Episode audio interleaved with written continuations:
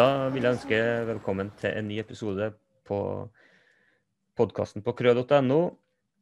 Og det her er en episode i den serien vi har kalt Artikkelklubben, der vi eh, tar for oss eh, forskning eh, innenfor området kroppsøving, og spesielt en publisert artikkel, da, og der jeg da snakker med forfatteren av dem, eller dem som har gjort denne forskninga, for å få høre litt mer omkring eh, eh, kanskje prosjektet i større grad enn akkurat bare eh, artikkelen. Og i dag så eh, har jeg eh, fått fatt på da, Øyvind Standal. og han har forska på dette med praksis i kroppsøvingslærerutdanninga, og i 2017 så publiserte du sammen med Kjersti Mordal Moen en, en, artikkel som heter 'For praksis i kroppsøvingslærer og idrettsutdanninga'. Tre utfordringer for framtidig fagutvikling. Og jeg vil si velkommen til deg, Øyvind. Du skal få si litt først om deg sjøl og bakgrunnen og hva du jobber med. Takk for eh, invitasjonen, Ove. Jeg eh, jobber på Oslo OsloMet, på eh, lærerutdanninga der på kroppsøvingsseksjonen professor i idrettspedagogikk. Um, bakgrunnen så er jo jeg, som mange av de andre jeg jobber med der, kroppsøvingslærer. og har jobba i skolen for mange mange år siden, så mesteparten av eh, liksom den yrkeserfaringa mi nå er jo som eh, lærerutdanner i kroppsøving og idrettsfag. Eh, og nå for tida så jobber jeg aller mest med syklus to, altså studentene som går på masternivået. Vi har jo begynt Altså de første studentene som tar femårig lærerutdanning, de begynte jo på syklus to, altså sitt fjerde år i år. Så vi har hatt en del arbeid med å ta imot dem og sette dem inn i masternivået. Samtidig mm. som vi har vært mer eller mindre utestengt fra å være på universitetet. Ja, du Dere er jo i, i samme løype som oss her på NTNU òg, med å ha det, mm. på en måte det første kullet på fjerdeåret nå. Og, og jeg som du, da, og underviser jo eh, noe av, i noen av emnene på syklus 2 her. Og det er jo det er jo det med utdanning av uh, lærere vi skal snakke litt om, og, så, og så kanskje mer spesifikt i det, den delen av utdanninga som går på praksis. Da. Og selv om, selv om det her omhandler lærerutdanning, så tenker jeg at det her òg er relevant for uh, lærere som er i, er i arbeid. Uh, mange av dem skal jo bl.a. Uh, ta del i vår opplæring av studentene, da, altså som praksislærere f.eks. Så og de er jo en viktig del av uh, lærerutdanninga, er jo da når våre studenter er ute i skolen. Så hos, uh, du kan jo, Vi skal inn på det prosjektet dere gjorde, eller den artikkelen som, som var resultatet her. Hva, hva er på en måte settingen og konteksten for, for produktet deres her? ja. Nei, altså det, akkurat den uh, artikkelen her er jo en oppsummering da, av altså, flere mindre undersøkelser som jeg har gjort med, med tre andre kollegaer. Vegard Fuskemo på Høgskolen på Vestlandet, Gro Rugseth, som er på Idrettshøgskolen, og Kjersti Mordal Moen, som har vært medforfatter på den her, som er på Høgskolen i Innlandet. da eh, bakgrunnen for dette her var jo en sånn var en interesse for den praksisdelen av eh, utdanningene.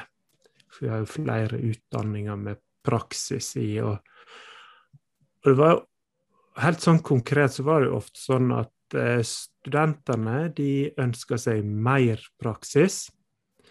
Og så er det klart at eh, det er ikke alltid like lett å, å, få til mer praksis, både fordi at hvis en mer praksis er, det, det er en ganske dyr del av utdanninga.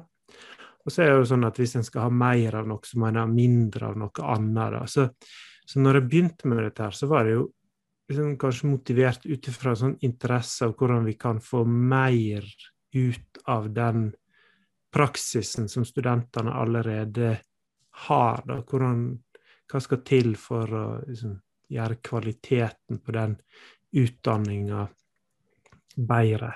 Um, så da har vi som bakgrunn for denne artikkelen her er jo det som sagt flere studier som både sånn litteraturgjennomgang av den forskninga som finnes, eller fantes på det tidspunktet om reflektert praksis. Vi har intervjua eh, lærerutdannere. De, det som vi i artikkelen her kaller for øvingslærere, men som, som vi kanskje egentlig burde Altså de lærerne som, eh, som du snakker om, da, som bidrar inn i utdanninga vår, og som sånn sett er, egentlig er lærerutdannere, de også når de mm. har studenter i praksis. Og så har vi gjort et uh, aksjonsforskningsprosjekt i tillegg, der vi har prøvd ut uh, noen sånne måter å forbedre praksisen på. det. Mm. Hva fant dere, da? ja, altså de, I denne artikkelen her så har vi jo oppsummert det i tre sånne utfordringer. Mm. Kanskje litt sånn når, når en er pedagog så er en kanskje vel så opptatt av de her utfordringene som vi har å, å jobbe med, som, og liksom fortelle folk at sånn må dere forandre praksisen. Der. Men de, de, tre utfordringene de handler om at uh, i de praksissituasjonene så er det et spørsmål om hvordan klarer vi å sette studentenes læring i sentrum. Det er som den første utfordringa. Og så er det det med hvordan de erfaringene studentene gjør seg i praksis, hvordan de blir tatt vare på og gjort til, omdanna til læring, sånn at de kan bruke erfaringene i en, de gjør seg i en skole. Gjør det til noe til en form for generell kunnskap som de så kan anvende seinere i sin egen praksis. Og så er det forholdet mellom de her ordene som er teori og praksis som er sånn ei kjempevanskelig utfordring for lærerutdanning, tenker jeg da. Mm. Så det, det, er på en måte de, de hovedfunnene der. Og så hvis jeg si noe av det jeg lærte ut av dette her, så, så, tenker jeg at eh, jeg kom til å tenke på en refleksjon på, på en mer nyansert måte enn jeg gjorde før. da vi har skrevet i denne artikkelen her om en dansk forsker, Sten Wackerhausen, som har, har lagd et sånn her oppsett eller analysert ulike former for refleksjon, eller ulike tilnærminger til refleksjon, og sier at det i bunn og grunn så har refleksjon alltid det til felles at når vi tenker over noe, så tenker vi med noen begrep, og ut ifra noen interesser innenfor en sammenheng. da. Mm. Sånn at eh, det f.eks. de begrepene en bruker til å tenke om undervisning i kroppsøving på, altså om vi tenker på det ut ifra motivasjon eller atferdsendring eller mestring eller kroppslig erfaring, det er helt avgjørende for hvordan de her refleksjonene blir. Og det samme er det med de interessene, verdiene en bringer med seg inn i refleksjonen. De er òg avgjørende for hva en får ut av en sånn refleksjon. da. Mm. Det, det, har vært veldig viktig for meg. da. Ja, det med å være forsker og drive forskning, det er jo en sånn lærende prosess. altså For hver eh, publisering man har, eller for hvert prosjekt man har, så, så lærer man jo veldig mye. mye som mm. forsker og som, og som lærerutdanner. Eh, hvis, vi skal, hvis, vi skal, snakke litt om akkurat de tre utfordringene og peke på, da, så det der med å, å, på en måte finne måter å sette studentens læring i sentrum på, hva var, var, det en utfordring som på en måte skrev seg fram ut ifra fra lærerne sitt perspektiv, lærerutdannerne sitt perspektiv, eller var det på en måte studentenes Var det studentene selv som sleit med å, å sette det i sentrum? Ja, altså jeg tenker jo at det Jeg tror at det, det kommer ut ifra at uh, ulik Jeg kan si at i, i praksisen sant, så er det jo tre ulike grupper som er involvert. Det er studenten, det er lærerutdannerne på universitet og høgskoler, så er det de praksislærerne i skolen. Så, så, jeg tenker at en av de tingene som vi ble oppmerksom på i, de, i den intervjustudien, det er at det, det, er helt, sånn, det er ikke helt avklart hva det egentlig er studentene skal lære. At de skal lære noe i praksis, og at den læringa er viktig, det er liksom enighet om. da. Men det er uklarhet knytta til hva de skal lære. Mm. Eh, og det er en sånn uklarhet som ikke som, Det er ikke sånn at de som er på universitetet, mener én ting, og de som jobber i praksis, altså læreren, mener én ting, mens studentene læreren mener en tredje ting. da. Det er, sånn, det, det er sånn ulike oppfatninger som eksisterer på tvers av de gruppene. da. Så, så det er sånn at på en måte så er det å si at når en har praksis, må en sette studentens læring i sentrum. Det høres litt sånn åpenbart ut.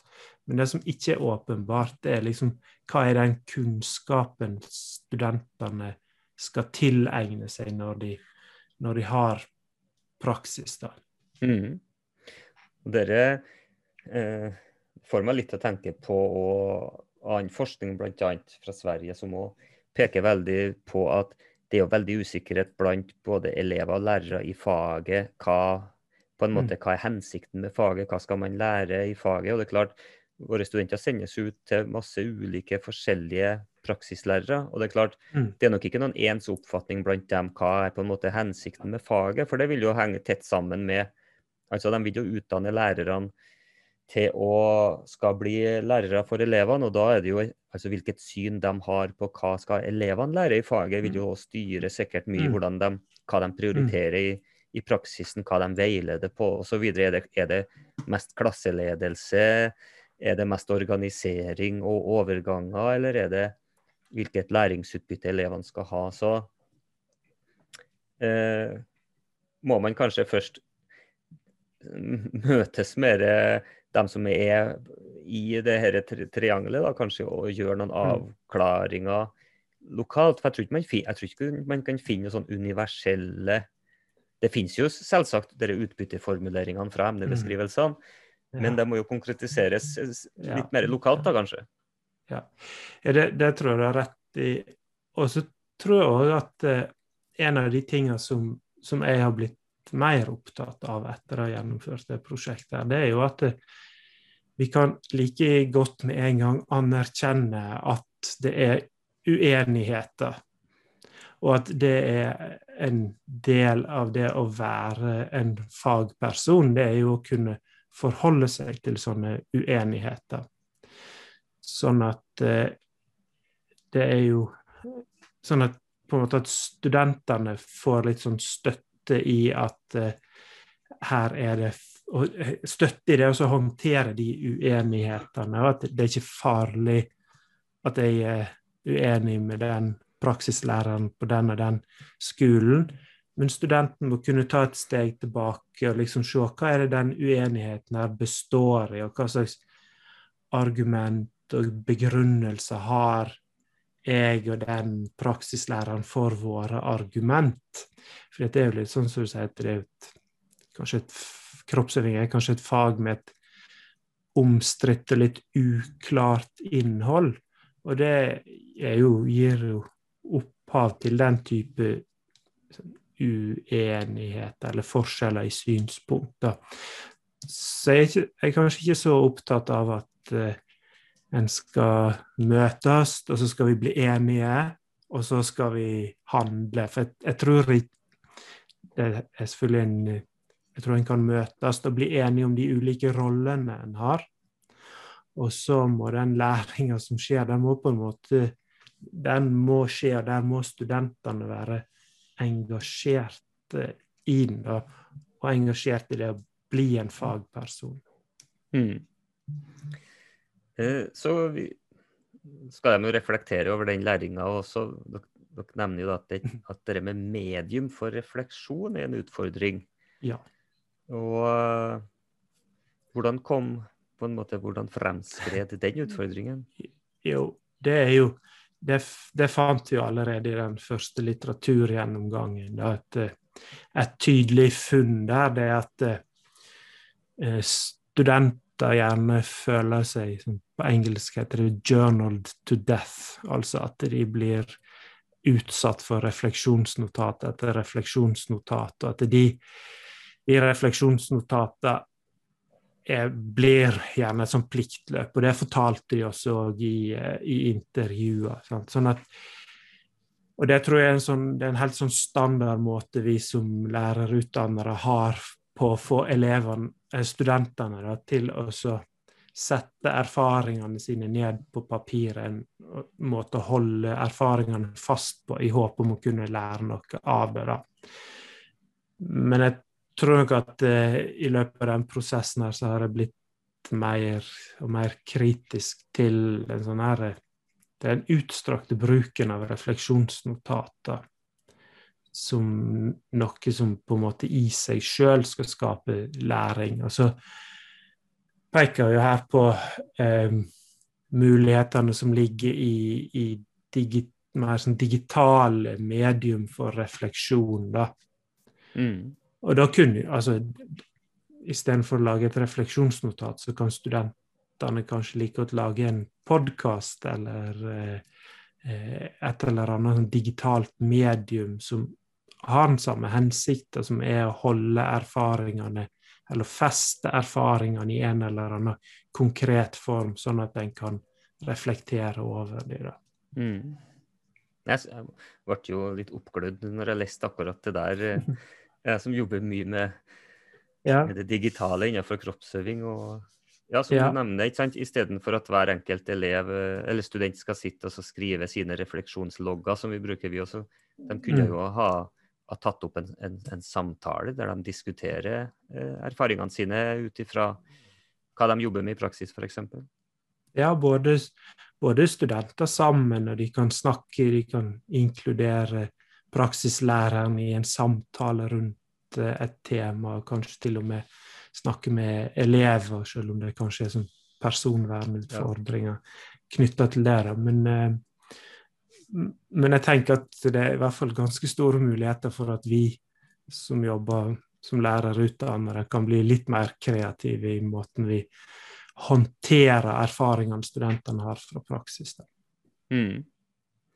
Og så er det jo da det det siste punktet dere med teori og praksis, og det er jo noe vi møter igjen her og mm. i utdanningene våre, at, at det fins At man på en måte setter På universitetet lærer dere teorien, og så skal man ut i praksis og, og lære praksisen. Og så eh, Ja, det, det, er ikke helt lett, det der, da. Hvordan, hva var det egentlig dere Hvordan peker dere på den der utfordringen i denne artikkelen? Um, det har vært uh, Dette her har blitt en sånn, sånn kjepphest for, for, meg etter det prosjektet her. Altså, prøve å jobbe for å unngå denne polariseringa mellom teori og praksis.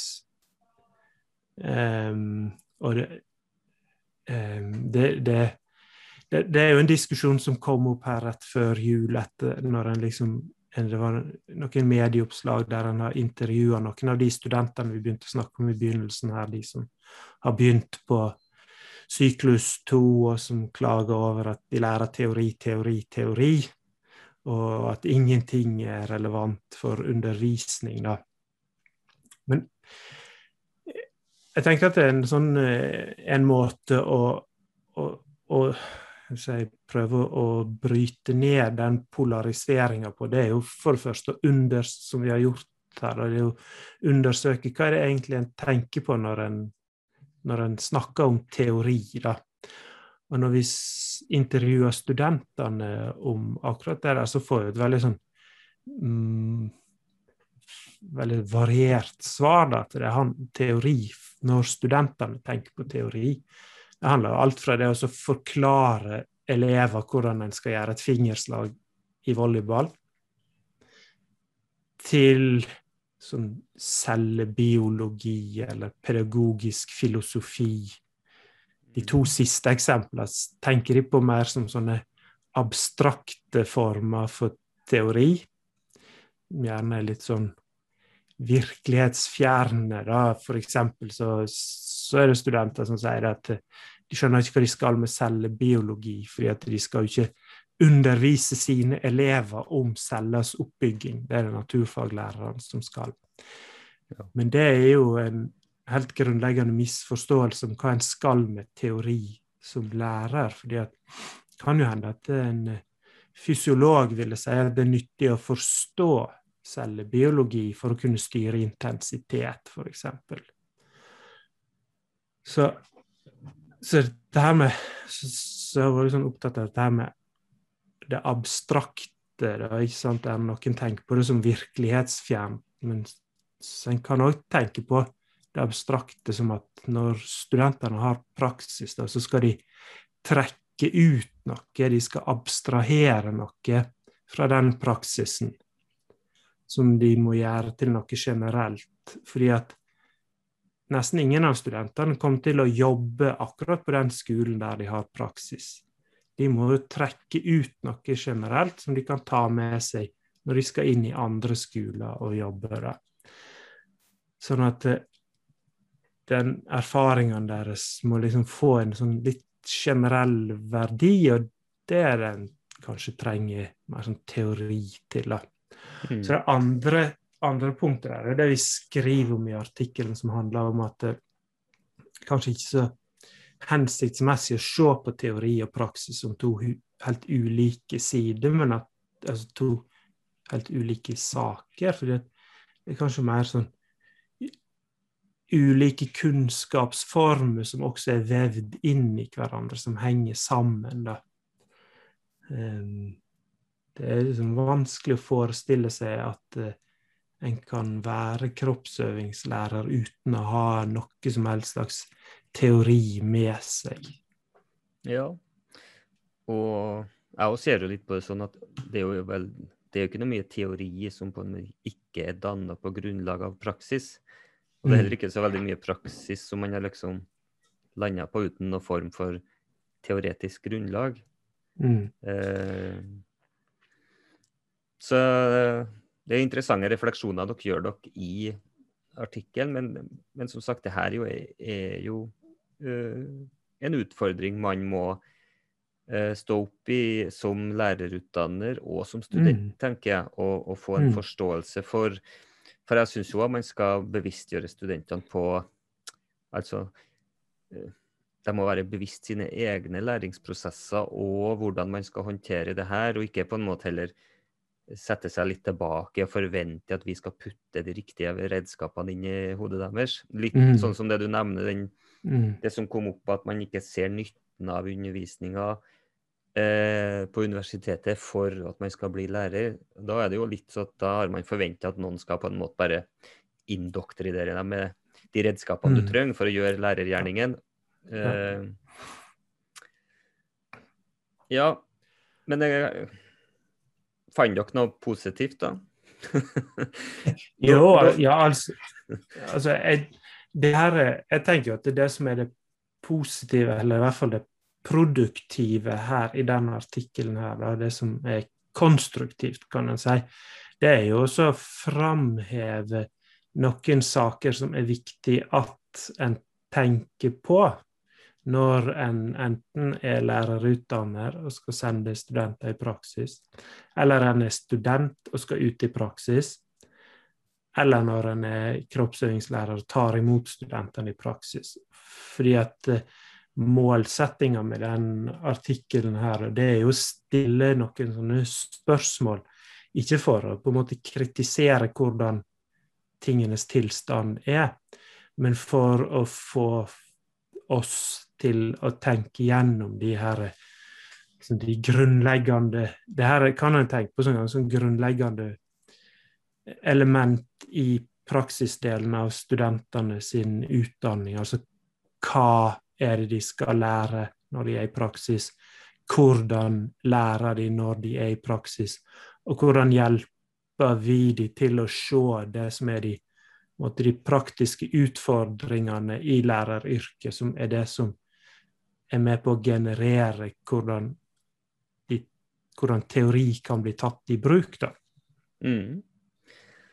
Også, I den artikkelen så nevner dere noe om noen modeller for partnerskap. Ja.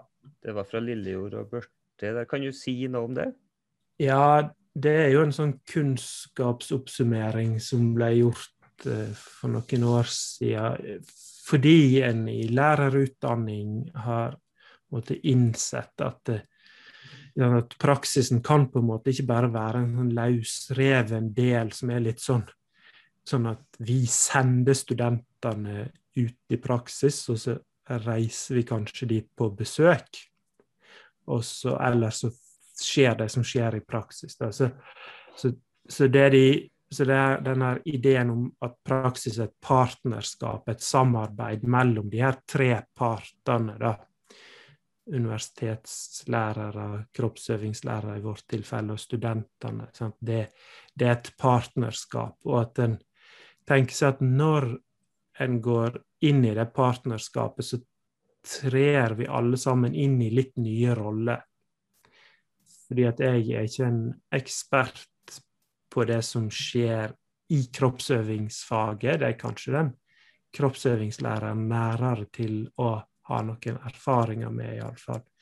Men den kroppsøvingslæreren skal heller ikke bare liksom, fylle studentene med sine erfaringer. Den skal jo hjelpe studentene til å lære gjennom de erfaringene en gjør der. Sånn at den ja, sånn som vi snakka om i stad, at den kroppsøvingslæreren I tillegg til å være kroppsøvingslærer, så blir den i den perioden også en lærerutdanner, og det er en annen rolle. Mm. Sånn at det, det, er partnerskap, eh, det, det er liksom Det skjer i et sånt, i et sånt møte der vi alle sammen går inn i litt ulike roller. Sånn at for studenten er jo ikke hun er jo ikke bare student lenger, hun er jo også lærer for noen elever, helt konkret. Så en, en, opptrer i litt andre roller. Og, og, og, og, så tror jeg òg de legger vekt på der at det, det, at vi går inn i noen litt nye roller, det medfører en viss, en viss sånn usikkerhet òg. Så, så, jeg tenker òg at en av de sånn konstruktive tinga vi finner vi, vi, prøver å skrive fram her, er jo nettopp det at, at vi trenger ikke være enige om alt. Men det å ikke være enige er en del av å inngå i et fagmiljø. For, for fagmiljø er jo ikke, som regel i hvert fall, ikke prega av helt enighet. Nei, og, og, tenker man jo på at man skal på en måte løfte faget og utvikle det videre, så må jo det skje litt på bakgrunn av meningsbrytning og litt diskusjon mm. og litt uenighet. Eh, ja. Men det, det, jeg har sett på som en litt utfordring noen gang i de disse partnerskapene, er jo eh, altså På vår faglærerutdanning så har, får på en måte studentene i kroppsøving ut og ha praksis til kroppsøvingslærere. Men i grunnskolelærerutdanninga så har vi jo ikke det som heter fagpraksis lenger. Så det er jo mm. veldig sånn tilfeldig av og til hvem, eh, mm. hvilke skoler studentene havner på, og, og, hvilke lærere og mm. hvilke fag de har. Så jeg har jo, har jo hatt studenter som er nå på fjerde år og, og, og skal ta, skrive da master i kroppsøving, og som knapt har hatt kroppsøving i praksis opp gjennom årene. Og det, mm. det, er jo en utfordring. Men det er jo mer en sånn logistisk utfordring i og med at vi har store universitet eh, innenfor sånn begrensa geografisk område, mm. så eh, er det nå å få til praksis i kroppsøving for alle som har valgt kroppsøving. Mm. Ja, ja det, det, tror jeg en utfordring kan kjenne seg igjen i. da. Ja, og det, det, er klart praksiskontorene jobber nå på spreng for å få disse kablene til å gå opp. Mm. Eh, så har jeg også kjent litt på en Når jeg har vært ute vi, vi, Vår rolle kalles jo, vi kalles jo oppfølgingslærer. Og så tror jeg det, altså praksislærer, så er vi oppfølgingslærere.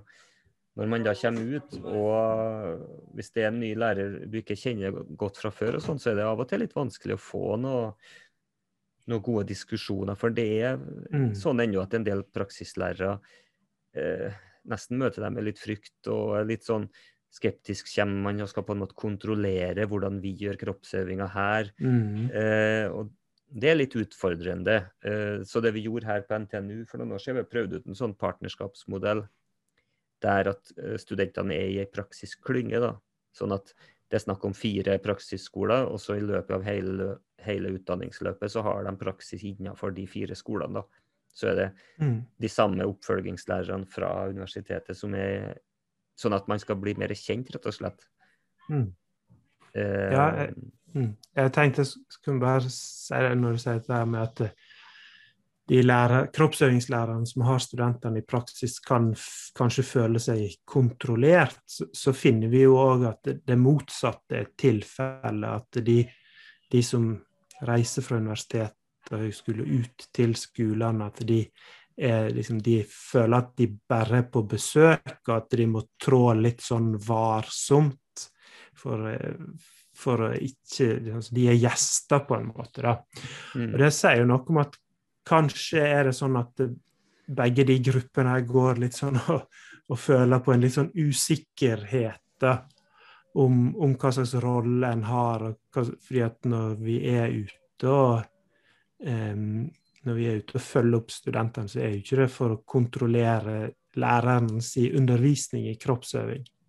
Det er jo for å møte studentene og høre deres erfaringer. ikke sant? Så, så det kan hende det er en del sånn misforståelser som godt kan avklares. hvis den, Og jeg tror det er lettere å, å avklare hvis en legger sånne den type følelser og tanker på bordet allerede fra begynnelsen av. det.